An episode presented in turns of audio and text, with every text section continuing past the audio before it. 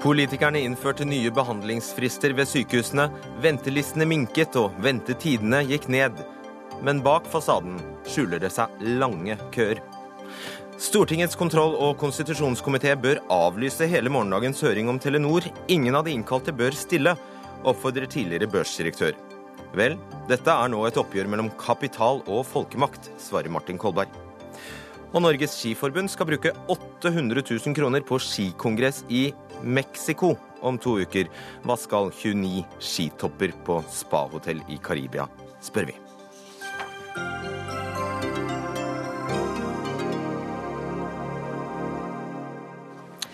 Riktig god kveld og velkommen til Dagsnytt 18. Jeg heter Fredrik Solvang.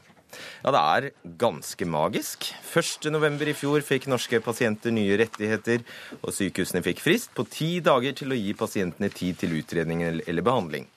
Plutselig forsvant nesten alle fristbruddene ved sykehusene, og ventetiden gikk kraftig ned. Men i dag forsvant kanskje mye av magien. Dagens Medisin og NRK kunne fortelle at stadig flere pasienter er blitt plassert i kø for utredning og færre er blitt plassert i kø for behandling.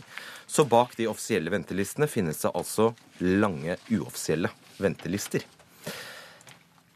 Dette må du eh, bidra til å forklare oss, Lars Vassli, klinikksjef ved Lovisenberg diakonale sykehus. Køene minker, sykehusene holder seg innen fristene, og politikerne viser handlekraft. Men sånne som deg, de ødelegger. Fordi eh, ved ditt sykehus så venter pasientene mye lenger enn ved andre sykehus. Ja, de venter lenger på behandling. Eh, ikke på utredning. Eh, og det er jo det Vi blir målt på behandling fordi vi mener at det er det, den fristen pasienten skal få. Vi har, som du sier, etter ti dager skal vi gi pasienten en frist, sende et brev til pasienten og forklare når han skal få sin helsehjelp. Og vi driver på kirurgisk klinikk på Lovisenberg, så driver vi stort sett planlagt kirurgi. Og de fleste pasienter skal opereres. Iallfall er det intensjonen når de blir henvist til oss, og da får de frist til behandling. Mens alle andre sykehus, nesten veldig mange, har for å bedre eh, sine ventelistetall, har sagt at pasienten får sin frist når de kommer på poliklinikken, innfridd. Og da slutter ventetiden og rettigheten til pasienten. Altså når de kommer første gang til utredning og ikke til behandling? Ja. Så ved at man i pasientadministrative systemet setter at pasienten skal utredes, så eh, sier systemet automatisk at da har du fått fristen innfridd når du kommer til utringning, altså på poliklinikken, ikke når du blir operert. Det er ganske smart av de andre og ganske dumt av deg, da. Ja, eh, vi har ikke hatt samvittighet til å gjøre det sånn. Vi har holdt på dette. Dette var loven som kom i 2004. Vi har eh, hatt juridisk hjelp. Vi har hatt eh, Riksrevisjonen, fylkesmenn som har sett på dette og bekreftet at vår, eh, vår praksis er riktig. Jeg vet også at du har fått kjeft. Du har fått kjeft for at du har, altså, mens de, eh, den nasjonale ventetiden for eh, en operasjon som hofteartose, altså protese, hofteprotese, er 84 dager som gjelder de andre sykehusene, så er din ventetid 103 dager. På de offisielle tallene, men vi eh, har kortere ventetid til operasjon. Men vi har lengre ventetid på offisielle fordi vi praktiserer den. Gir pasienten rett til operasjon. Og poenget for oss er at pasienten forventer jo at han skal bli operert. og det er det, den fristen vi gir, ikke når han kommer på poliklinikken. Da vil han ikke være fornøyd hvis han kommer på poliklinikken og får vite at nå er fristen borte. Vi vet ikke når vi skal operere. Hvem har loven på sin side, du eller andre? Jeg mener at jeg har loven. Jeg er nokså trygg på det. Da har ikke du det, Terje Rottfeldt. Du er administrerende direktør ved Oslo universitetssykehus. For du gjør det helt annerledes. Hva gjør du? Jeg er helt enig med Lars, jeg. Men det er jo altså faktisk sånn at flertallet av pasienter alltid har fått rett til utredning, behandling. Altså til operasjon så er jeg enig i at man får vite når man skal opereres. Men flertallet har mer uavklarte tilstander og får da en rett til utredning. Og det jeg mener er det viktige, er at man ikke bare skal følge denne eksterne ventelisten, som er den som alle snakker om uh, utad, men også følge ventetidene videre inn i sykehuset etterpå, altså de interne ventelistene. og Det er det vi gjør. Vi har et tett fokus på de interne ventelistene og ser hvordan går det med pasienten etter at han har kommet inn første gang. Og vi har forbedret disse også betydelig gjennom det siste året. Selv om du er opptatt av det, så kom det som en nyhet for oss andre for å si det sånn i morges at uh, f.eks. la oss ta en klinikk som hode-, hals- og rekonstruktiv kirurgi ved Oslo universitetssykehus. Der er den offisielle, den eksterne ventelisten som du snakker om, på 2456 pasienter. Mens den interne ventelisten, som du, som du er så opptatt av, er på 15 782 pasienter. For oss andre er det en rimelig grei nyhet. Ja, men det er altså sånn at Den interne ventelisten det er veldig mye. Det er pasienter som er henvist fra andre sykehus til oss.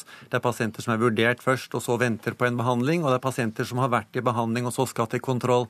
Og Vi har ca. 1 million pasientbehandlinger i året, sånn at derfor er det ganske mange som er i systemet. Og Det viktige for pasienten mener vi er det at når vi sier at neste ting du skal gjøre hos oss, den skal skje i oktober. Da skal pasienten komme inn i oktober og gjøre det. Neste ting du skal gjøre hos oss, skal skje eh, om en måned. Da skal pasienten komme inn innen den tiden. For det vil hele tiden være et forløp, og det som er vårt mål, er å sikre at det forløpet forløper slik det både er forsvarlig og som pasienten har fått informasjon om. Men uh, Rosfeldt, det finnes jo flere faktorer her. Vi har sånn som politikere f.eks., som vinner valg på å love kortere ventelister. Ja, vårt eh, mål er å gi pasientene en forsvarlig behandling innen de tidene som vi lover dem, og det jobber vi hardt for. Og vi har fått en betydelig bedring både i de interne og de eksterne ventelistene.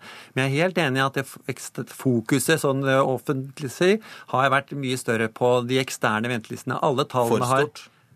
Ja, det er jeg enig i. For det er bare de tallene som har vært referert. Men eh, det er jo ikke sånn at dette er noen nyhet internt for oss. Altså både Helse Sør-Øst og OS har oppgitt disse interne ventelistene i lengre tid. og for 2016 så er dette hovedmålene for OS i vår handlingsplan, å gjøre dette enda bedre. Si det, virker som dere er ganske flinke til å holde sånt internt, da, fordi som sagt, det virket nytt på oss. Ja, men det er i hvert fall ikke noen nyhet for oss. Nei, jeg har skjønt det. OK, uh, Vassli. Uh, fra 2012 til 2015 ble antallet pasienter som fikk rett til behandling, redusert med 44 eh, og antallet som fikk rett til utredning for uavklart tilstand, økte tilsvarende. Hva kan det fortelle deg? Nei, altså Jeg mener jo at dette er en tilpasning for å få bedre eh, ventelistetall. Triksing? Ja, ikke triksing. Eh, loven gir en åpning. Den er uklar. Den gir en mulighet til eh, unntaksvis å sette pasienten på utredning istedenfor behandling, hvis du kan finne noe i henvisningen som gjør at du er utrygg på denne behandlingen. Så, så på en måte så vil de nok Gi et eksempel på dem. Nei, altså hvis du henvises med en hofteprotes hofteprotese heller til en hofteoperasjon, som du sier, mm. og så eh, vil nok de fleste, og det, det, ser vi, eh, det er flere sykehus det er nevnt hvor, hvor, man har blitt presset til å si at disse pasientene er ikke helt sikkert du skal operere, så da setter vi uavklart. Og det er jo for så vidt riktig at kirurgen ønsker å snakke med pasienten før han opererer. Kan, det er en del pasienter som ikke skal opereres, eller som skal vente et år etter det. men intensjonen i henvisningen som fastlegen sender. Vi stoler på fastlegen, at han vet hva han gjør. Han sender til operasjon, vurdering for operasjon. Han sender ikke bare til vurdering til utredning. Men veldig mange sykehus har konvertert og sier vi setter utredning, for da blir fristen mye bedre. Ventetiden blir kortere. Gjør du det? Det er sånn at det er kommet nye prioriteringsveiledere fra Helsedirektoratet som de laget sammen med fagpersonell. Og vi gjør så godt vi kan å følge disse. Og det har ikke skjedd noen aktiv konvertering fra det ene til det andre. Så ser jeg også at det faktisk har skjedd en vridning eh, som ikke er heldig. Og da mener jeg at det viktigste her er at man da ikke bare skal fokusere på det eksterne tallet, som kan du si er årsaken til vridningen, ja, men følge videre etterpå. Spørsmålet mitt var så mye enklere enn det. Gjør du det han beskrev? Det er ingen som bevisst bytter fra den ene listen til den andre, men den tette fokuset på den eksterne kan ha bidratt til vridningen. Men det finnes altså veiledere for hvordan det skal gjøres, som folk følger. De kan ha forårsaket at du oppfører deg annerledes? Veldig fokus på én ting påvirker helt sikkert. Takk. Tone Trøen, stortingsrepresentant for Høyre. Det var ikke det er faktisk ikke lenge siden du satt i akkurat dette studioet her, skrøt av de 40 000 dere har klart å kutte helsekøen, som vi husker dere mente var på 270 000 personer, med 40 000 pasienter. Nå når dette har kommet for en dag, så må det vel eh, innrømme at det kan umulig stemme. Nei, jeg er fortsatt faktisk veldig stolt av de resultatene vi får til eh, i regjering. Eh, og det er et faktum Eh, at, vente, altså at køene har gått ned, og ikke minst at ventetidene er kortere. Men jeg syns i denne Vent litt. Kan du med hånda på hjertet si at nedgangen i antall pasienter i Norge i kø er på 41 928 personer, som dere har påstått? Vi har ingen grunn til, fordi det er ikke, det er ikke eh, enda noen eh, grunn til å anta at ikke de tallene stemmer. Og bakgrunnen for det er jo at nå må, må man gå inn i eh, denne praksisen. som har hatt en vridning, for det må vi være enige om. Den har hatt en vridning fra behandling til vurdering. Vi må se på disse årsakene før vi bastant kan si om dette er eh, slik som Mye taler for det, da. Er du enig i det? Nei, jeg, jeg, vil faktisk vente og se. Og jeg synes at min sidemann beskriver det på en god måte. fordi det er faktisk sånn at vi måler tallene fra du kommer der vi måler tallene fra du kommer i behandling eller til vurdering i, i helsetjenesten. Men, men, husk på en ting. Fra 2014 så har faktisk eh, Helsedirektoratet eh, fulgt forløpet til over 300 000 pasienter med 120 forskjellige sykdommer. Det er et forløp som er målt. Der gikk ventetidene ned med syv dager. Ok, veldig raskt. Ja, ja, for det, det, er helt sant at man har hatt et veldig fokus eksternt på dette eksterne ventelistene. Men samtidig, altså siste året, så har vår interne, de som venter lenger enn de skulle, falt fra 25 til 14 Så det er ikke slik at de interne listene har økt samtidig som de eksterne har falt. De har bedret seg samtidig, men vi er ikke like gode på de interne. Så det er helt riktig at men vi må bli bedre. Heller, det viser jo også at dette eh, maniske kjøret på eksterne ventelister ikke har noe for seg, annet enn at du får en fin fasade. Nei, Det er viktig at den første gangen du kommer inn også holdes, men vi må fortsette å gjøre det bra etterpå også. Og vi gjør begge deler samtidig. Og det er det som er mitt poeng, at vi har faktisk gjort begge deler samtidig. Det er ikke slik at man har flyttet pasientene fra den ene listen til den andre.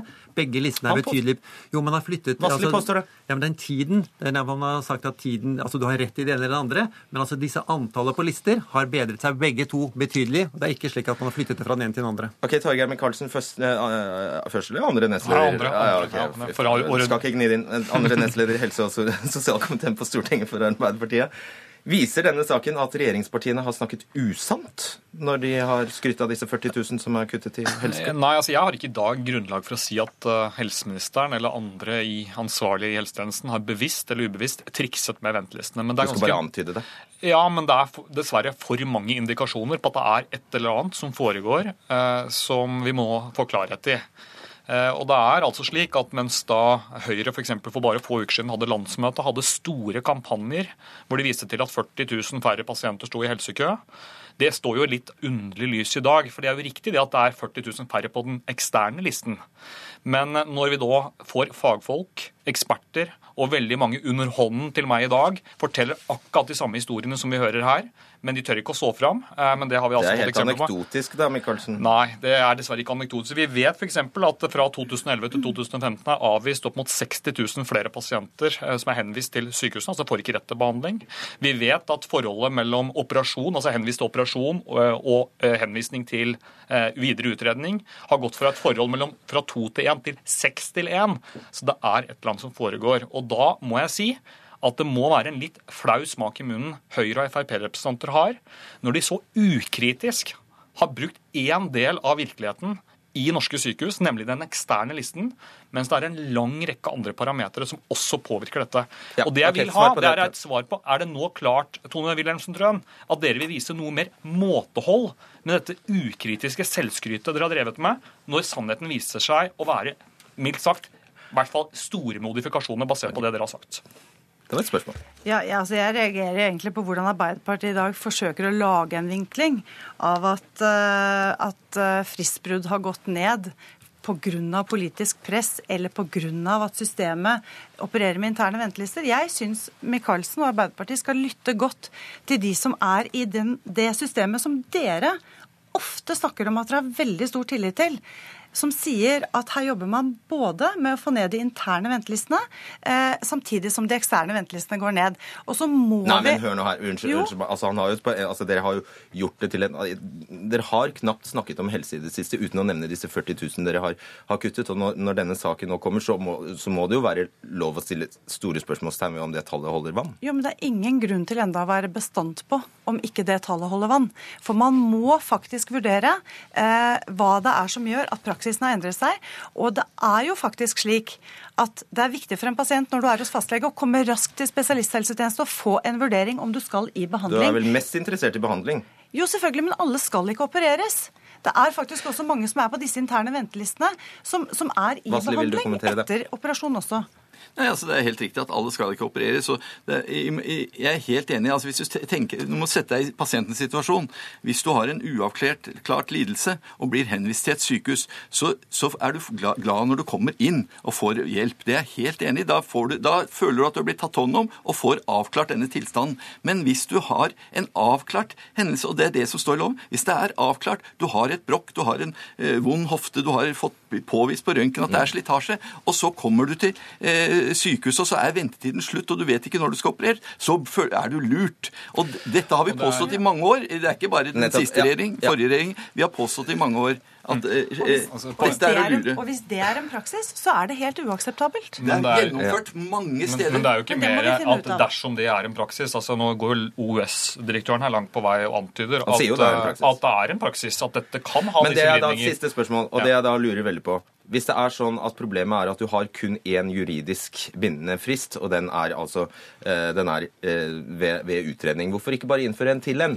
Nei, fordi det ville ført mest sannsynlig til mye, stor, mye større byråkrati eh, og vanskelig gjennomførbart for sykehusene som allerede har mer enn nok å måle. Det er ikke dette De som er saken. De holder seg med opptil flere lister. Det er, det er riktig, og det er det som er hovedproblemet her. At vi må få slutt på denne ensidig maniske Eh, retorikken rundt disse men, listene men og fokusere på det som faktisk virker, Tone Wilhelmsen Trøen. Og nå må dere legge har, vekk denne retorikken. Men har Arbeiderpartiet noen løsninger på å få ned eh, En lang rekke. Vi har jo, vi har jo en lang rekke. Målet må jo være at hele forløpet skal følge riktige tider fremover. Det må jo det. Takk skal dere ha. Lars Vassli, Torgeir Micaelsen, Tone Trøen, Terje Rottfeldt. Dagsnytt 18 alle hverdager kl 18.00 på NRK P2 og NRK2.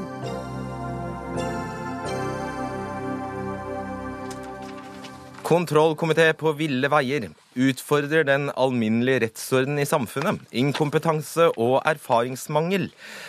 Ja, Hva er så dette? Jo, det er noen av de kraftige politiske skyllebøttene som er blitt helt over Stortingets kontroll- og konstitusjonskomité i forbindelse med høringen om Telenor og VimpelCom i morgen. Og spesielt komiteens leder Martin Kolberg fra Arbeiderpartiet har fått uh, gjennomgå. Sven Arild Andersen, du er tidligere direktør ved Oslo Børs og skriver i et debattinnlegg i uh, Dagens Næringsliv i dag at uh, alle som er innkalt til denne høringen i morgen, bør la være å komme. Og at den kort og godt bør avlyses. Kraftig kost. Hvorfor, hvorfor det? Ja, jeg mener at den prosessen skulle aldri vært igangsatt i den regien som eh, den eh, har gått i i dag. Eh, den Komiteen har ingen juridisk eller konstitusjonell eller administrativ tilknytning til Telenor.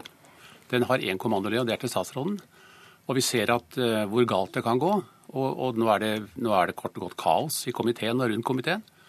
Og, og det beste man kunne gjøre nå, det var å, å innstille alt sammen og se hvordan man kunne på en måte sette seg ned og forene krefter og se kunne, hva kan man lære av dette for å forhindre at man havner i et sånt uføre en gang til. Hva er det slags uføre du snakker om? Ja, Uføre er at man har, eh, man har altså satt i gang en prosess som eh, er helt imot eh, all praksis, mot all eierskaps, god eierskapsstyring. Ved at en, en komité som ikke har noe med Telenor å gjøre, går ut og begynner å aksjonere i Telenor, forhøre, etterforske, kommer med uttalelser om personer og beskylder folk for løgn osv. Og, så og kort og godt dømmer. Altså, de, de, de, tiltar seg en rolle som de aldri skulle ha tiltatt seg, og, og, og, vi ser da hvordan det har, gått også. Så du mener oppriktig at dersom eh, Stortingets kontrollkomité og Martin Kolberg, som vi straks skal snakke med, ikke er fornøyd med Næringsdepartementets oppfølging eh, av det statlige eierskapet i Telenor, eh, så skal ikke, da skal ikke de folkevalgte representantene de har ingen anledning til å mene eller gjøre noe med det. De folkevalgte representantene har ett talerør inn mot Telenor. Og det er Næringsdepartementet som aksjonær i Telenor og eierskapsdelingen i Næringsdepartementet. De snakker med Telenor. Og så sier du at uh, måten kontrollkomiteen har opptrådt her, på her, har skadet Telenors omdømme og, um, og verdier?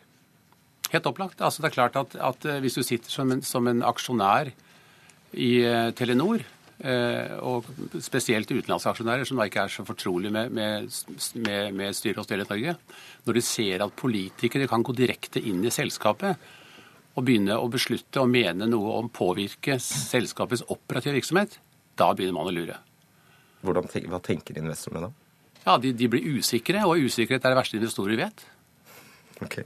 Martin Kolberg, leder av Stortingets kontroll- og konstitusjonskomité for Arbeiderpartiet. Det er deg det går hardest utover her. Hva vil du egentlig ha ut av morgendagens uh, høring? Ja, jeg vil ha ut en klargjøring av uh, hvorfor uh, statsråden og departementet ikke selv oppdaget at det foregikk korrupsjon i VimpelCom og hvorfor Telenor ikke har informert sin eh, største eier på en sannferdig og riktig måte. Akkurat det siste har du jo egentlig fått svar på. De var underlagt taushetsplikt. Ja, det er, det, er, det er, en utflukt, vil jeg si. Fordi uh, det er slik at I kontroll- og konstitusjonskomiteen så gjør vi alltid oppmerksom på at det er noe som er fortrolig så skal de ikke si det. For da kan vi eventuelt lokke høringen, og vi er underlagt Stortingets forretningsorden om taushetsplikt, så det er ikke noe problem. Men eh, det som vi har opplevd konkret, var jo at Baksås og Aaser, som var de fremste representantene for Telenor på det tidspunktet, sa at de hadde fratt seg selv eller lagt til side taushetsplikten selv, og ville fortelle hele sannheten. Og så viser det seg at det gjorde de ikke. Og børsdirektør Andersen og alle andre bør nå rett og slett begynne å konsentrere seg om hva dette handler om. Nemlig det politiet sier Europas største korrupsjonssak. Hvor VimpelCom har betalt 6 milliarder kroner i bot til amerikanske myndigheter. Men du er leder av Stortingets ja, kontroll- og konstitusjonskomité. Martin Kolberg, du skal jo ikke etterforske. Jeg gjør ikke det. Men jeg forholder meg til en ting som Andersen og alle andre glatt hopper over. Og det er at i eierskapsmeldingen og i eierskapsstyringen så er det forutsatt at det skal drives null Det er nulltoleranse for korrupsjon. Det ser han bort fra. Han ser bort fra at Stortinget har et eksplisitt vedtak om at disse selskapene skal ha nulltoleranse for korrupsjon. Og så opplever vi dette, og så mener han at vi ikke skal kontrollere det. Og da skal jeg si en setning til. Hvis Andersen eller andre mener at børsen skal bestemme over hvordan Stortinget skal være organisert, og hvordan vi skal ettergå våre egne vedtak, så er ikke lenger demokrati i Norge. Og den, Det kan han prøve å selge til andre, men jeg kommer ikke til å flytte meg en millimeter. Jeg er en folkevalgt representant og skal ivareta lovene og vedtakene. Og det er ikke vi som har skapt denne situasjonen. Det er Telenors handlemåte som har skadet Telenor, dets verdier og eventuelt aksjekurs selv. Der fikk du den, Andersen. Ja, jeg tror det, Kolberg, at uh, når du sier at børsen skal bestemme Det børsen gjør, er å forholde seg til det regelverket som allerede er etablert, og som man skal følge. Hvor kommandolinjene er Stortingets kontroll- og konstitusjonskomité til statsråden og statsråden inn i Telenor som aksjonær. Men hvorfor har de ikke forholdt seg til bestemmelsen om at de ikke skal drive med null det? Det det må, du, spørre. Det er statsråden som skal, som skal forholde seg til det og, og, finne ut av det, ikke, ikke kontroll- og konstitusjonskomiteen. Men Andersen... og, dessuten, vet du, og dessuten så er Telenor er en minoritetseier i VimpelCom. Og, og, og, Telenor har som selskap ikke noe ansvar som sådan for hva som kan ha foregått i VimpelCom. Nå er det selskapet under etterforskning.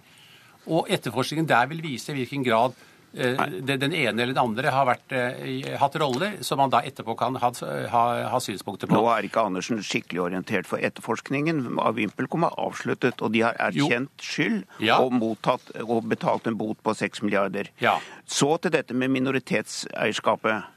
De eier, men de eier, har en stemmevekt på 43% og de har vetorett i styret.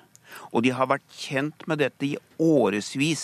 De, de, har visst dette i Telenors administrasjon i årevis.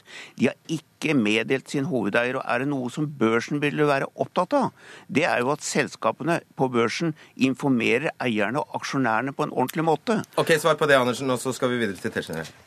Altså, Det er ikke Telenor Kolberg, som sitter i VimpelComs styre. Det er enkeltpersoner som sitter i VimpelComs styre. Og det er enkelt, Du sitter her med et personlig ansvar. Telenor har overhodet ikke noe ansvar som selskap for hva som foregår i, i, i VimpelCom. Og, det, og det, det, må du forstå. at Det, det skulle du antakelig gjerne sett at de hadde, men, men, det har de ikke. Eh, kan jeg bare få si en ting, bare få si en, bare få si en ting til det, eh, Andersen? Hør.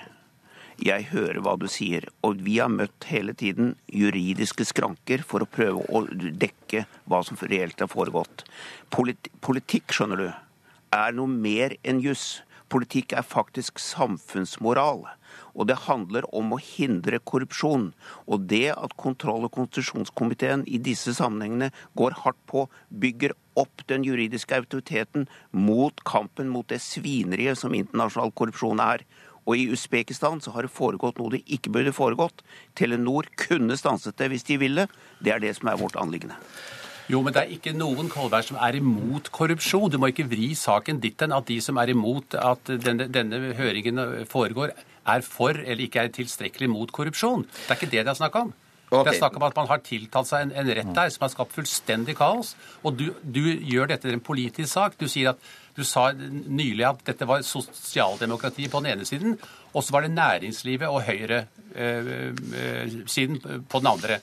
Og Hvis du har den type standpunkter, da går det galt. Nei, det går ikke galt. Det er, det det er galt. dere som forsøker i en kampanje å skape uro rundt dette, som svekker den demokratiske kontrollen i Norge. Det er meget alvorlig og meget uheldig. Ja. Michael Tetzschner, nestleder i kontroll- og konstitusjonskomiteen fra Høyre. Hei. Glem det konstitusjonelle, glem det formelle.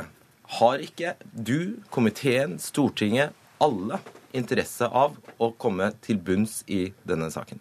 Jo, men eh, man har jo kommet til bunns i eh, den aktiviteten som eh, ikke var forsvarlig av et annet selskap på utsiden av Telenor. Og det skyldes jo meget effektiv internasjonal rettsforfølging, som denne komiteen faktisk ble advart mot å forvikle og, og, ødelegge for, nettopp fordi vi fikk et, faktisk en henvendelse fra norske etterforskningsmyndigheter ved, ved Riksadvokaten. Fordi denne komiteen under Kolbergs ledelse planla å innkalle personer som da var siktet, til å uttale seg. Det er helt frivillig å møte, da. Så er, jo, men poenget er at man legger jo et veldig stort press. Og det eh, som komiteen, og det er jo, etter å ha hørt det forrige, kan man jo ikke være i tvil om hva utfallet hadde blitt. Man hadde altså da kommet i en situasjon som Riksadvokaten eh, advarte mot, nemlig faren for bevisforspillelse. Og så må jeg si én ting. Hvis man denne saken handler jo ikke om man er for eller mot korrupsjon. Denne handler om hvem som gjør hva. Og i en rettsstat så er det altså rettshåndhevingen, eh, politivirksomhet og etterforskningsvirksomhet er lagt utenom de politiske organer, og det tror jeg vi skal være veldig glad for. Så har vi eh, Stortinget som skal kontrollere hva statsråden gjør med eh, statens eierandel i Telenor. Og da kommer jeg til det som kanskje begynner å nærme seg nå en påkrevet avklaring. Jeg syns Kolberg burde gi alle de ansatte og Telenor etter hvert en unnskyldning. Den forrige runden med å beskylde Telenor for å være korrupt eller bidra aktivt til eh, korrupsjon, det er altså en beskyldning som han burde holdt seg for god for, og som Telenor etter hvert begynner å fortjene en unnskyldning for. Kolberg. Jeg vil først og fremst kommentere dette med hvem som skal gjøre hva. Først unnskyldning, er du snill. Ja, nei, jeg mener at det, den type politiske provokasjoner biter jeg ikke på, for å si det rett ut. Fordi at det er ikke grunnlag for det. For jeg har aldri påstått at Telenor dets ansatte eller dets miljøer på noe sett og vis er ansvarlig for korrupsjon. Det er ikke sikkert det, at Telenor-ansatte føler seg veldig smittet over det, nei, det, det, du har sagt om dem? Det, nei, men jeg tror, jeg tror, de faktisk stoler ganske mye på meg, og kanskje mer på meg enn på Tetzschner i denne sammenhengen. Og så vil jeg si følgende Du kan bare høre reprisen av dette programmet om en times tid. Ja, men Så vil du høre hva du selv sa.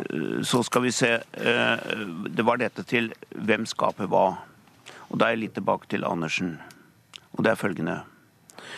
Andersen, det som er et problem for oss, er, og det lurer jeg på hva du syns om egentlig, det er at Telenor ikke har informert om disse alvorlige forholdene til hovedeier, en majoritetseier, og til sine andre aksjonærer. Hva, hva slags praksis er det? Og hvilken stilling setter vi egentlig statsråden i når hun går til Stortinget med gal informasjon fordi Telenor har gitt henne uriktig og ufullstendig informasjon? Hva slags, hva, slags, hva slags, eierpraksis er det? Og er det, er det henhold til det som er vedtatt og god norm? Andersen. Altså, Det er helt umulig for meg Kolberg, å, å, gå inn i de interne diskusjonene som har vært mellom enkeltpersoner. Ikke smyg unna så veldig, nå kan du ikke svare på dette. Dette er jo et moralsk spørsmål. Du har jo vært børsdirektør, og da må du vite dette. La meg få lov å resonnere ferdig. Og det er helt umulig for meg å gå inn i de, de, de, samtalene og det som har vært snakket om mellom personer i både departementet og Telenor i, rundt dette spørsmålet. Men prinsipielt så, hvis det er slik at Telenor får vite at det er en stor korrupsjonssak i et selskap, så, så, så må Telenor da eh, informere sine egne styrende organer. Og det er det styret man går til. Man går ikke til departementet da, Kolberg. Man går til sitt styre. Og så er det styret der det sitter oppnevnte personer, bl.a. Som, som staten har oppnevnt. De tar seg an den type saker. Og hvis, et, et sekund. Og hvis det viser seg da at ansatte i Telenor har, har eh, begått feil eller, eller, eller, har gjort noe kritikkverdig, så er det opp til styret i Telenor å behandle den saken. Okay. Da skal man holde Næringsdepartementet, Stortingets konstitusjons- og kontrollkomité langt unna. Det er selskapets egne styrende organer som tar seg an den type spørsmål. Kolberg, du skal få siste ordet, men først Tetzschner, og så må vi avslutte. Ja, altså dette blir jo stadig friskere og friskere, og vi er vant til mye eh, friskhet, for å si det sånn. Ehm, nå skal vi jo i høring i morgen, og der eh, skal vi jo gå inn på Deloitte-rapporten, som nettopp sa at Telenor som organisasjon ikke har visst dette. Man kan stille spørsmålstegn ved hvor rask informasjonen har gått fra enkeltpersoner. Men jeg har også lyst til å minne deg om at det var en utleid ekspert fra Telenor som faktisk var denne varsleren som satte dette hele i gang, slik at uh, rettferdigheten har skjedd fyllest overfor VimpelCom, takket være amerikanske, og nederlandske og norske politimyndigheter, og har vedtatt en bot på 6 milliarder kroner. Hva har du konkret tenkt å få ut av Sigve Brekke og styreleder Gunn Wærsted i morgen, Martin Kolberg? Nei, Det skal jeg svare på når vi sitter i høringen. Jeg vil ikke annonsere på forhånd hva vi skal spørre om. Men det er jo veldig viktig å få vite eh, om mandatet når det gjelder Deloitte og hva de mener om eh, rapportens innhold, og om det ikke finnes moral i disse tingene som går utenpå jussen. Eh, fordi Det er nemlig en veldig viktig side av dette. fordi Kampen mot den internasjonale korrupsjonen den blir ofte dekket av juridiske prisvindigheter. Det blir spennende å se da, om de kommer. Takk skal dere ha, Sven Arild Andersen, eh, Martin Kolberg og Michael Tetzschner.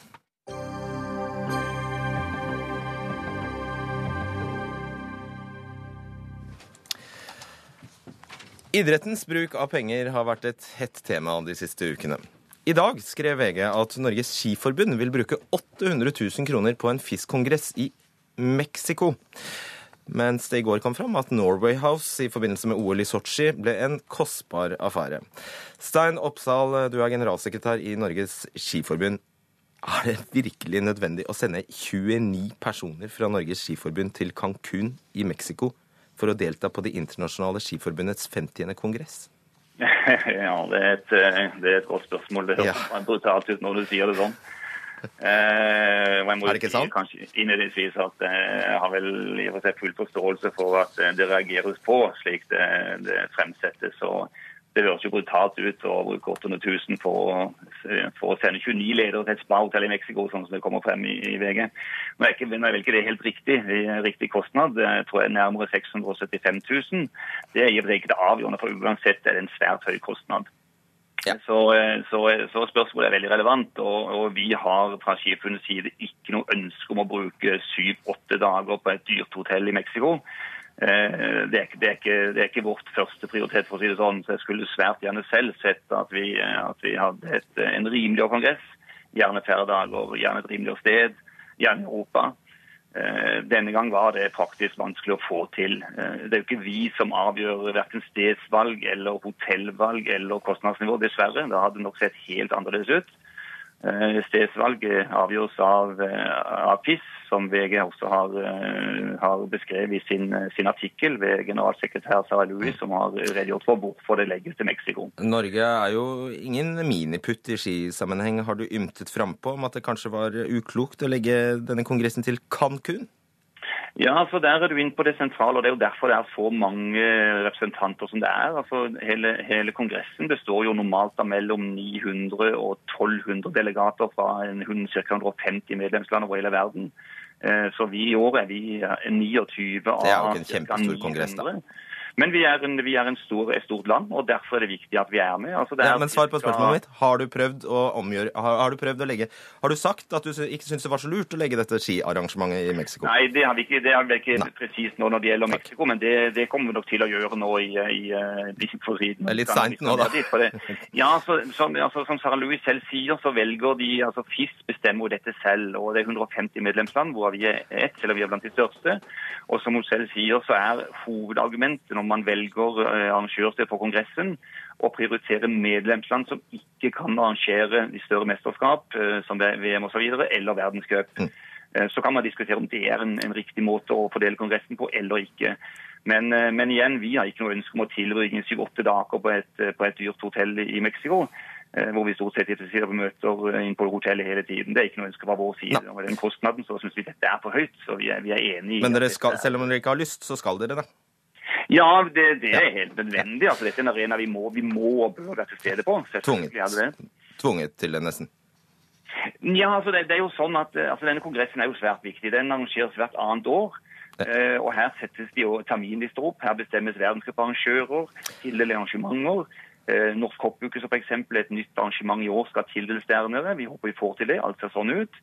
I år skal det i tillegg, eh, det skal i tillegg eh, tildeles VM-arrangementer i nordisk og alpint for, 19, for, to, for 2021. Ok, Det skal skje masse eh, viktige saker på denne kongressen?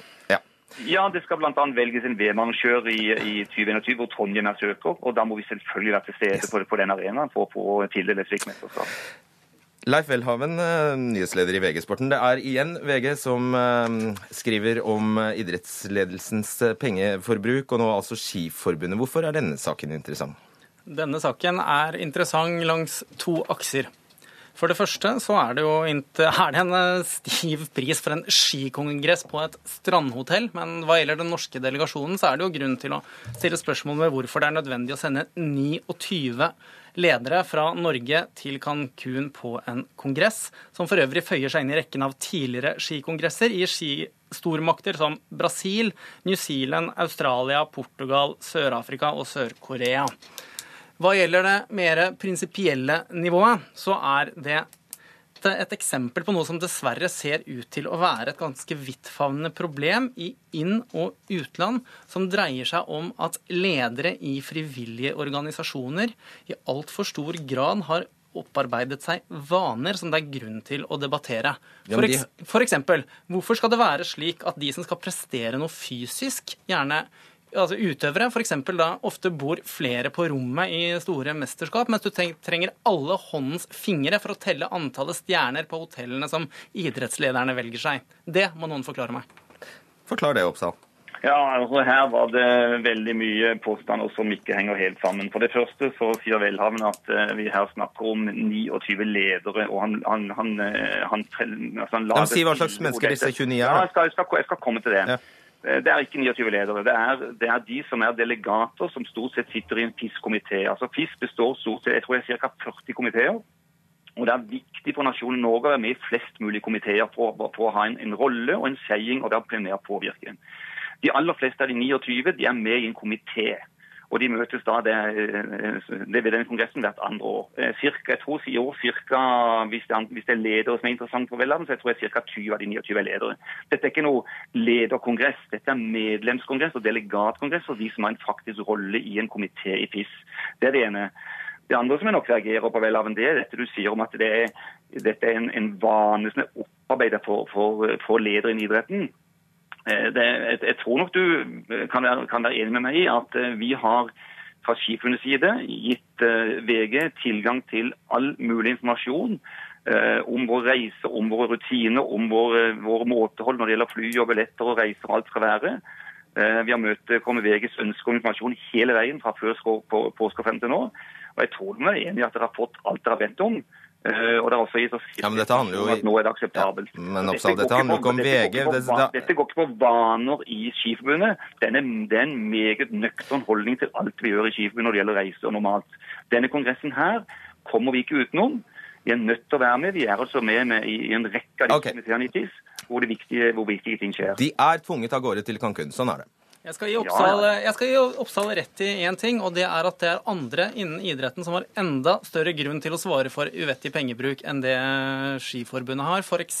sentralmakten i Norges idrettsforbund, som har vist seg å bruke penger på en langt mer uvettig måte enn Skiforbundet. Det skal du ha, Oppsal. Det har vi, for, for å si det sånn, prøvd å eh, få tak i. Tom Tvedt eh, hadde ikke anledning til å delta her i kveld, og heller ikke Inge Andersen. Så har vi notert det. Ja, bare fortsett Lavn. Jo, nei, for Det som er eh, interessant, eh, som har vist seg de siste dagene, er at forrige gang jeg satt i denne stolen her, så ble det hevdet fra min motedebattant at vi ikke kom til å finne spesielt oppsiktsvekkende tall hva gjelder pengebruk blant norske idrettsledere. Det interessante nå er at vi faktisk kjenner til de konkrete detaljene, hva som ble brukt til PR-framstøtet Norway House i Sotsji. 2,6 millioner til mat og drikke i 17 dager, en kuvertpris på Michelin-restaurantnivå, 84 000 til trykking av inngangsbilletter, 900 000 i et administrasjonsgebyr osv. Det var det huset der man skulle bespise og bevarte IOC-medlemmene for å lobbe for OL i Oslo. Helt riktig. Og det mest, noe av det mest interessante her er at avtalepartneren til Norges idrettsforbund tidligere har innrømmet og har betalt store penger under bord og stått i en OL-korrupsjonsskandale. Og Idrettsforbundet har til dags dato ikke ja. noen prinsipiell begrunnelse for hvorfor de mener dette er en relevant samarbeidspartner. De er altså ikke til stede, så Oppsal, hvis du frivillig vil påta deg å svare på den, så vær så god. Ja, altså dette, dette blir helt urimelig. Nå kan, man kan ikke VG innlede en debatt om Sotsji House og NIF når NIF ikke er selv til stede. Jeg er generalsekretær i Skiforbundet og kan snakke for Skiforbundet og dagens artikkel hvor VG slår opp da denne kontesten i Mexico. Eh, og, og det å, å, å, være, å ta den debatten på, på Sotsji og NIF når NIF ikke kan svare selv, det må man holde seg for god for. ikke kan svare selv eller ikke vil svare selv? Altså, Jeg har ingenting med, med det sentrale i NIF, faktisk. og jeg kjenner ikke til Sotsji. Det er ikke noe jeg har noe ansvar eller innsikt i. Den debatten kan ikke jeg ta, den må du ta med NIF. Jeg kan ta, det jeg kan ta, det dere har kjørt på, på med en stor sak i dag når det gjelder Mexico-kongressen. Og jeg tror jeg må gjenta hva jeg sa i stad. eh, vi har ikke tid til at du gjentar, rett og slett. Eh, For, Nei, men altså, du, du bruker ord som uvettig pengebruk, og du, du bruker ord som opparbeidede vaner. Eh, Og når du da sitter i en debatt med meg og bruker den type ord, så må du gå tilbake og se hvordan Skiforbundet faktisk fungerer. Og der må jeg si, si igjen som jeg sa i stad, eller jeg kan, jeg kan utdype det videre. Vi har gitt dere en stående invitasjon. Er det andre ting i Skiforbundet dere ønsker informasjon om, så det, står min kontor åpen. Dere er velkommen til å komme og få detaljert informasjon. Vi har ingenting å skjule. Vi har ingen uvettig pengebruk i norsk skisport. Takk skal dere ha, Leif Welhaven og Stein Oppsal.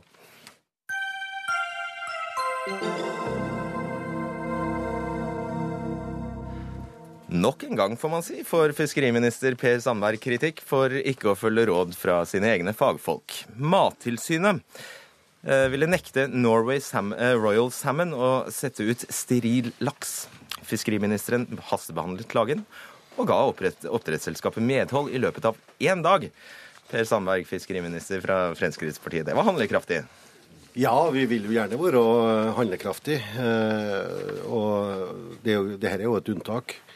Eh, For det var flere forhold som lå til grunn for eh, min hastebehandling der.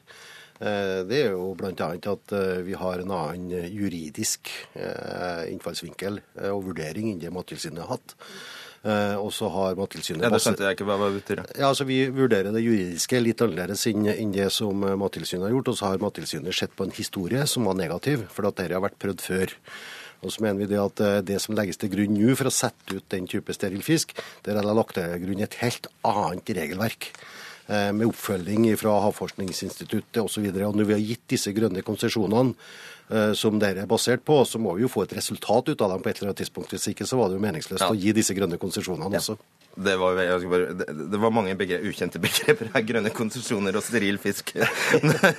okay, bare Det det er snakk om, er altså at uh, en metode Bare for å ta det. Hva, hva, er det, hva, er, hva er det? Hvordan blir fisken steril, og hvorfor sa Mattilsynet nei? Det er fordi at, fordi at vi har alltid ønska oss, og det har også miljøbevegelsen og Miljøpartiet De Grønne også, tror jeg må tiljuble det. For Hvis vi lykkes med dette, så får vi altså en fisk som er steril, og som da ved eventuell rømning ikke kan påvirke villaksen vår. Så enkelt er det. Så enkelt er det. Og, så er det også bedre i forhold til miljøet, da. Nettopp. Og dette skulle man jo formode, Une eh, Aina Basson, vararepresentant på Stortinget for Miljøpartiet De Grønne, at dere faktisk applauderer. Men nei. Nei, og, og, jeg gikk ut i dag og sa at jeg syns fiskeriministeren begynner å bli en trussel for både næringa og for en dyrevelferdsmessig forsvarlig og miljømessig forsvarlig eh, utvikling nå i næringa. Eh, og en grunn til det er jo at ikke bare eh, har han gjentatte ganger nå ikke lytta til faglige råd fra sine egne fagmyndigheter, men i tillegg fortsatt snakker om en vekst. Man snakker nå om en femdobling i en næring som har alvorlige problemer med miljøkonsekvenser, når nå også eh, viser Mattilsynet til dyrevelferden. Ja, det er greit. Ja, nettopp. La oss ta det med dyrevelferden. Altså, det er, ikke, det er, det er velferden til fisken Mattilsynet er, er, opptatt av her. Men det, som, som, som Sandberg sier, så kan det godt hende så er det andre veldig viktige hensyn å ta. Bl.a. at villaksen dermed ikke skal kunne, skal kunne uh, spre, spre, lakselus. Ja, det kan hende at det er litt... Så har jeg lytta til forskning her, da, for Havforskningsinstituttet sier jo at, eh, at, det er riktig å gjøre dette. for at når vi får den oppfølging som er lagt til grunn for, det, for å sette ut denne fisken, så skal Havforskningsinstituttet følge det opp etter hvert. Mm. Og, og, det er ukentlig oppfølging og rapportering og kontroll på dette. Ja. Det kan hende at uh, sterilisering av fisk er en måte å i hvert fall før man får teknologi og får en drift i næringa som gjør at den er bærekraftig, kan hindre at når det blir rømming, at det gjør at du får eh, store påvirkninger på f.eks. villaksen og ørret. Ja, Men det gjør jo ikke noe med systemproblemet. for det at du setter ut 1,6 sterile eh, laks i Finnmark, løser jo ikke de enorme miljøutfordringene du har over hele kysten i Norge. Eh, og Det er snakk om 1,6 millioner fisk som Mattilsynet mener at vi ikke vet om er dyrevelferdsmessig forsvarlig at nå blir satt ut. Som fiskeriministeren har overkjørt sine egne fagmyndigheter på. En gang til. Og Mattilsynet basert det på forrige gangen vi prøvde ut dette, og da gikk det ikke særlig bra. Og da har vi lært av det. Og så har vi lagt på plass noen nye systemer, nye kontroller, for å prøve på nytt. For å finne ut hvorvidt at vi lykkes. Og så syns jeg, med all respekt, det er ikke jeg som har sagt at vi kan tåle fem ganger vekst innenfor oppdrett.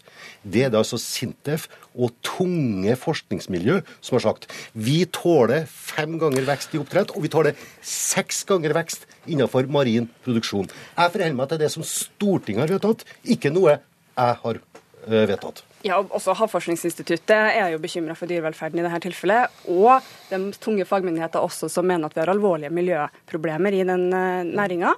Eh, oppdrettsnæringa nå har hatt har rekordhøy bruk av medisiner, rekordmye problemer med lus. Og da har vi en minister som altså velger å snakke om vekst, vekst, vekst, istedenfor først å rydde opp i luseproblematikken. Ja, Oppklar én sak, Basson. Mm. fordi det, det, Miljøpartiet De Grønnes politikk på dette området er ikke helt enkel å forstå seg på. Altså, Rasmus Hansson har sagt jeg vil jobbe for å bidra til at havbruk blir en del av en bærekraftig løsning på matproduksjonen. Han mener altså at norsk lakseoppdrett har synliggjort det enorme potensialet som ligger i å dyrke havet.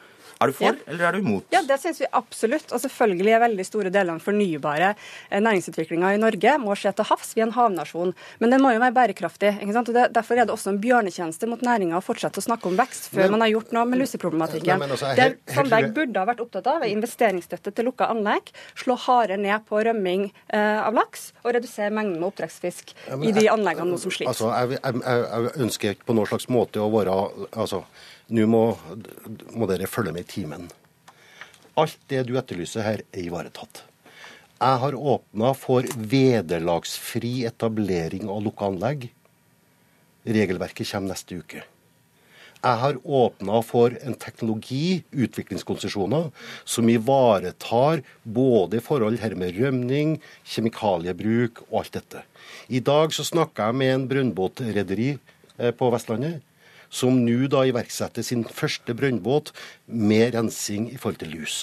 Alt dette du etterlyser, er jo ivaretatt. Og når jeg skal iverksette vekstregimet fra 2017, så er det jo ikke noe jeg har funnet på.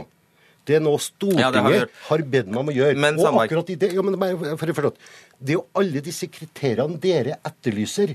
Det er jo dem som blir styringsverktøyet for å iverksette dette vekstregimet. Ok, Sandberg. Eh, du sier jo selvfølgelig, og det, må, det burde jo noe annet ville jo vært hårreisende, at det er faglig, altså du har gjort en faglig vurdering. Hadde det overhodet ingenting eh, med saken å gjøre at dette Norway eh, Royal Salmon sa de kom til å tape 400 millioner kroner om de ikke fikk omstøtt vedtaket? Jo, selvfølgelig. Du hadde noe å si? Ja, selvfølgelig, fordi når vi har gitt disse konsesjonene til denne næringa, så ville det bli juridiske utfordringer med å stoppe dette med bakgrunn i de vedtak som Mattilsynet gjorde, annet da. Men det er en rekke ting som ligger med bakgrunn i at jeg har stoppa denne saken. Og det, og det er to til også. eh, Som, eh, men som, som har anka. Men der hadde vi bedre tid. Her sto vi overfor en situasjon der at vi skulle kunne destruere 1,6 millioner fisk, en verdi på 400 millioner. Eller legge til grunn det som da Mattilsynet gjorde, en historiebit der at vi hadde mislykket tidligere. Og hele poenget med at man har krav til alle typer næringer, f.eks. på miljø, men også når det kommer til dyrehold, på dyrevelferd, er jo at vi skal drive i tråd med de etiske verdiene vi har som samfunn. At om det er 400 millioner eller 20 kroner som da går tapt, eh, det burde egentlig fiskeriministeren være mindre interessert i, og mer interessert i å drive i tråd med de regelverkene vi har. Og vi har også en dyrevelferdslov som Mattilsynet er fagmyndighet for at vi jo, overholder. men, men, du, men du hører jo ikke hva jeg sier. Jeg prøver å lytte. Ja, men de, de legger til grunn det mislykka forsøket som vi hadde tidligere. Og så har vi lært av det. Så har vi lagt til grunn et nytt regelverk. Og så er det sånn Men du kaller det selv et hastevedtak. Vent, vent litt. Ja. Du kaller det sjøl et hastevedtak. Så du har gått inn og overstyrt faglige myndigheter? Men uansett så ville det blitt oppdrett der. Okay. tusen takk For dette var, dette var et oppdrettsanlegg. Og det ville ha blitt oppdrett uansett. Men i dette tilfellet så ble det steril fisk, og da burde dere da Som vi ikke vet om eh, fisken tåler. Takk Dere skal dere ha tiljubla. Per Sandberg og Une Aina Basson. Hør Dagsnytt 18 når du vil. Radio NRK Radio.nrk.no. Lærere fra hele landet tordner mot årets norskeksamen blant tiendeklasseelever som ble avholdt tirsdag denne uka. På bakgrunn av en teateranmeldelse i VG med begreper som 'den kompakte majoritet', 'vårt eh, neokapitalistiske lykkeland', 'maktarroganse' og 'opportunisme' skulle elevene forklare hvorfor teksten kan være vanskelig å forstå. Jeg har vært eh, norsklærer i 30 år og trodde nesten ikke hva jeg så. Vi snakker grunnskole. Mer håpløse eksamensoppgaver har jeg aldri sett, skriver Elisabeth Gundersen i en eh, Facebook-tråd som eh, en rekke lærere har sluttet seg til. Jens Ruud Bunch-Holt, elev ved Tangenåsen ungdomsskole i Akershus. Velkommen hit. Takk. Du øh, øh, Du fikk denne oppgaven. Ja. Hva tenkte du da du fikk den? Jeg, når jeg først fikk den, så følte jeg at Jeg følte meg egentlig dum, fordi jeg følte at det er noe jeg burde visst. Og jeg, jeg, jeg, jeg er absolutt ikke alene om å få den følelsen. Det er flere andre som fikk den følelsen. Og det Du sitter der, så vet ikke helt hva du skal gjøre. Jeg satt der nesten i en halvtime eller tre kvarter for jeg faktisk begynte å skrive på oppgaven. Og da hadde jo mest, mye av timen gått allerede, men eh, Skjønte du ikke Du skjønte Nei, bare ikke ordene, det eller? var brukte veldig lang gang å lese dem flere ganger for å mm, forstå noe i det hele tatt av innholdet. Og det var en artikkel som ikke var ment for meg helt klart. Og, og vi har ikke engang sett skuespillet på et teater selv. Mm. Så det var veldig vanskelig å vite om det var rimelig, for jeg, da vi må nesten ha sett skuespillet selv for å kunne si det. da. Så jeg følte at det, det var håpløst, egentlig. At vi skulle svare på det. Skjønner. ja. Lisbeth Gundersen, det er du som er norsklæreren ved, ved Tangenåsen ungdomsskole i Akershus. altså. Det var flere som reagerte som eh, Jens her og kom og sa de hadde opplevd dette her som eh, Altså at faktisk de fikk skyldfølelse. Ja, det er akkurat det jeg setter fingeren på. Det er det, det verste med det, syns jeg. At de skal få en, eh, en tekst som er med så mye fremmedord, og som er totalt umulig å forstå. Eh, første blikk? Første møtet deres med offentlig eksamen skal være sånn, eh, sånn sperre. Men hele poenget med, altså hele oppgaven gikk jo nettopp ut på at, at elevene skulle forklare hvorfor denne teateranmeldelsen var vanskelig å forstå. Jo, de skulle jo forklare litt hvorfor den fikk fem, eller om de var enig i det. Det var jo det det gikk på. Og det en, eh, et teaterstykke som de ikke har sett, som Jens sier her, og som de ikke har uh, hatt. Vi har jo vært gjennom flere stykker og satt oss veldig godt inn i Ibsen. De kan sin Ja, hva slags stykke var det? Det var en folkefiende, og den er kanskje litt mer perifer enn Dukkehjem, Villand, Per Gynt, eksempel. Mm. Og hva, altså, hva blir konsekvensen av å gi elevene en sånn oppgave? Nei, det, Jeg tenker det psykologiske aspektet. De blir litt handlingslamma, det går lang tid. De skal skrive tre tekster. Det tar utrolig mye tid. Bare å komme i gang, sier han. Bruker altså en halvtime. Og du skal se igjennom, og du skal gruble og tenke. Og det var jo ikke noen kreative oppgaver heller. Det var jo bare sånn um, resonnerende oppgaver, og det er jo vanskelig for veldig mange, da.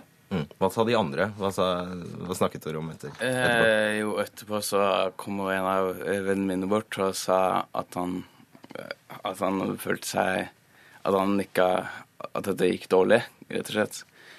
Og at han ikke skjønte noe av de første, to første oppgavene. Eh, spesielt den første. Og det også i klasserommet, så snakka om det i klasserommet, så var det jo flere i klasserommet som sa at dette var rett og slett en oppgave som de ikke skjønte noe av. Mm. Uh, Sissel Schilling, Schillinghaug, du er avdelingsleder for vurderingsavdelingen, som det kalles i Utdanningsdirektoratet. Hvorfor har du gjort det så innmari vanskelig? Nå er ikke målet vårt med eksamen å, å, gjøre den mest mulig vanskelig. Vi ønsker at elevene skal komme til sin første eksamen, som du sier, og oppleve at de får vist det de kan. Så til elever som ikke har sittet med den opplevelsen etter eksamen, det er vi lei oss for å høre. Eh, og så er det sånn at det, det, er ingen karakterer som blir satt nå før sensorene har vært sammen og diskutert. Bl.a. hvordan oppgaven har blitt tatt imot av elevene. Så det kan godt hende at, det, at man justerer dette litt i sensuren hvis vi ser at det har Hva betyr det, da? Det betyr at hvis vi ser at eh, mange elever har strevd med å svare, at man går litt sånn dypere inn i å beskrive akkurat hvordan man tenker at man skal vurdere eh, den delen av, av eksamen, og være litt mildere f.eks. Altså gi bedre karakterer enn dere hadde tenkt, da? Ja, så at du velger å være litt mildere på den delen hvis det, er, hvis det, viser seg at det er veldig mange elever som, som ikke har klart den. da. Mm. Men det vet vi ikke helt for vi har ikke sett så mange besvarelser. Det lille vi har sett, tyder på at elevene svarer litt bedre enn vi kanskje trodde. Okay. Så det blir spennende å se. Men dere har fått en del klager? Det har vi. Og de går på? Nei, Kritikken er jo sånn som de eh, sier her, at eh, det er jo da særlig mange lærere da, som reagerer på at de opplever at elevene deres har fått en tekst de ikke, ikke forstår osv. Eh, og det er klart at En sånn debatt går jo ikke stille forbi hos oss heller. Vi, også vi syns det er bra at det er en debatt om innholdet i eksamen. Men en sånn debatt jo også, betyr jo også at vi kommer til å snakke ganske mye om hvordan vi laget den eksamen, og hvordan vi eventuelt liksom må justere på dette seinere. da. Så det kan ha kommet noe godt ut av det. Kanskje. Eh, Gundersen, selv om det altså er Utdanningsdirektoratet som, som, er ansvarlig for disse oppgavene, så lages de faktisk av lærere, praktiserende ungdomsskolelærere. Jeg hører det blir sagt. Uh, jeg syns det er veldig rart. For er det noe vi lærere uh, legger vind på, så er det å tenke på mottaker. Mottakerbevissthet, det lærer vi elevene våre. Og jeg syns ikke at det er noe særlig mottakerbevisst å gi en sånn oppgave som den i A-delen. når du blir møtt med en sånn tekst som du ikke skjønner, og så skal du attåt til alt overmål uttale deg om et terningkast på et stykke du heller ja, men, ikke har sett. Ja, men, men, det er jo en eks eksamen, tross alt. Ja, skal jo, en eksamen skal jo skille de flinke fra de dårlige. De er 15-16 år, og de skal uttale seg med terningkast på et stykke de ikke har sett. Er det helt urimelig? Ja, vet du, jeg syns det. I hvert fall med den ordlyden i den teksten, så syns jeg det går over alle gevinn. Er du enig i det? Eh, altså Nå er det ikke verken egentlig teaterstykket eller disse vanskelige begrepene elevene blir bedt om å ta stilling til. De skal jo bl.a. prøve å eh, gi en hyggelig eh, og vennlig eh, melding til en, en medelev om hvorfor det kan være vanskelig å forstå denne teksten. Og da er det jo relevant å peke på nettopp de tingene. Så det, vi, vi, vil nok se at en del elever klarer å svare på dette. Altså. Men vi, vi skal uh, også være, se nøye på de i sensuren, og vi skal passe på at elevene ikke taper på dette. Bra. Hvordan tror du det gikk? Eh, det er veldig vanskelig å si. Jeg, eh, jeg i hvert fall når jeg leste to av første oppgangene, så tenkte jeg at det kommer til å gå dårlig. Veldig dårlig. Eh, jeg vet, skrev oppgaven. Jeg svarte på den så godt jeg kunne. Eh, om jeg svarte bra på oppgaven, får bare vente og se, men jeg, tror kanskje det gikk OK. Ikke noe mer enn det. Vi krysser fingre, Jens. Og det, jeg, jeg håper ikke jeg, jinxer nå, men jeg tror det gikk OK. Bank i bordet. Vi krysser fingrene. Tusen takk skal dere ha. Dere fikk avslutte Dagsnytt 18 i dag. Ida Tune Ørisland var ansvarlig for sendingen. Teknisk ansvarlig var Erik Sandbråten. Og jeg heter Fredrik Solvang. Vi ses.